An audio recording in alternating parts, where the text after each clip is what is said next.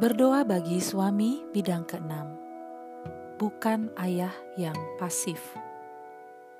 Ayat Alkitab Efesus 6 ayat 1 sampai 4. Hai anak-anak, taatilah orang tuamu di dalam Tuhan karena haruslah demikian.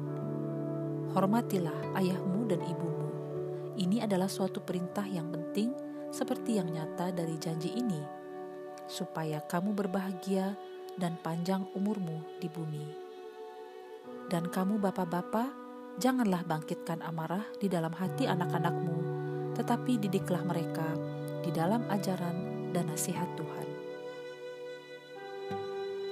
Yosua 24 ayat 15 Tetapi jika kamu anggap tidak baik untuk beribadah kepada Tuhan, pilihlah pada hari ini kepada siapa kamu akan beribadah.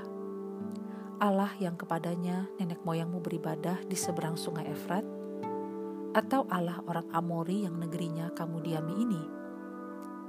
Tetapi aku dan seisi rumahku, kami akan beribadah kepada Tuhan.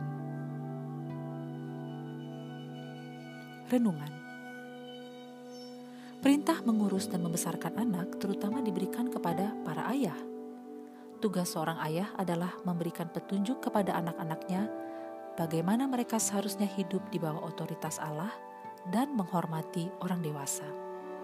Ada beberapa alasan yang baik. Pertama, karena itulah yang benar dan menyenangkan Allah.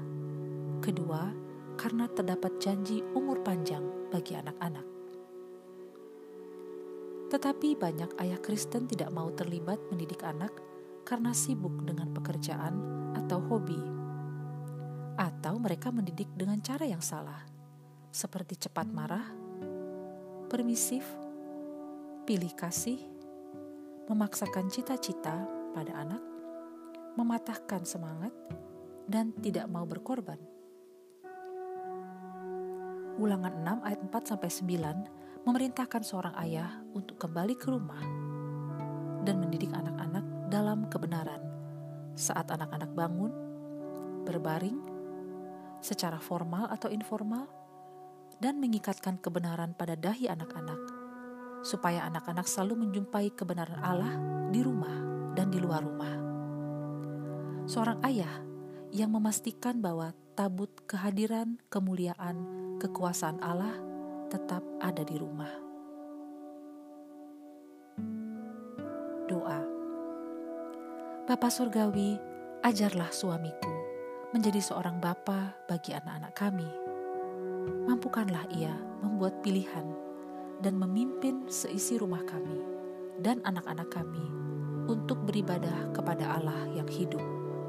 Mampukanlah suamiku meninggalkan warisan rohani pada anak-anak, supaya ia mendapat hormat yang sehat, supaya ia penuh keadilan dan belas kasihan, supaya ia berpendirian kokoh dalam kebenaran dan bijaksana terhadap anak-anak kami dalam nama Yesus, aku berdoa.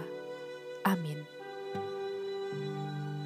Para istri, dalam beberapa hari ke depan, mari doakan agar Allah memampukan suami Anda mengambil peran sebagai ayah yang melakukan ulangan 6 ayat 4 sampai 9. Tuhan memberkati.